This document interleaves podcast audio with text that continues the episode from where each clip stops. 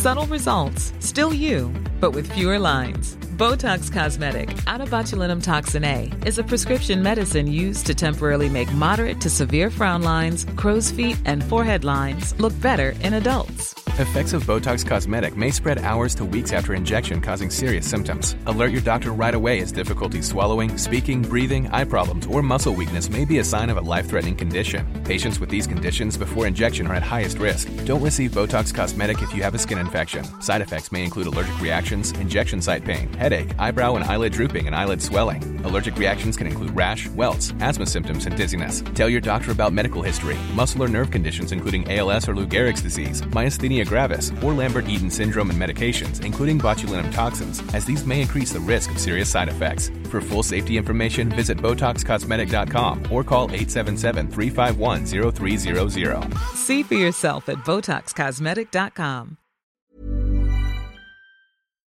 Jag heter Rachel Mohlin. Jag heter Anna Sahlin. Äntligen är den här.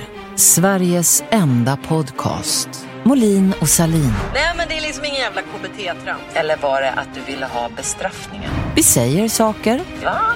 Men då är ju du Jesus.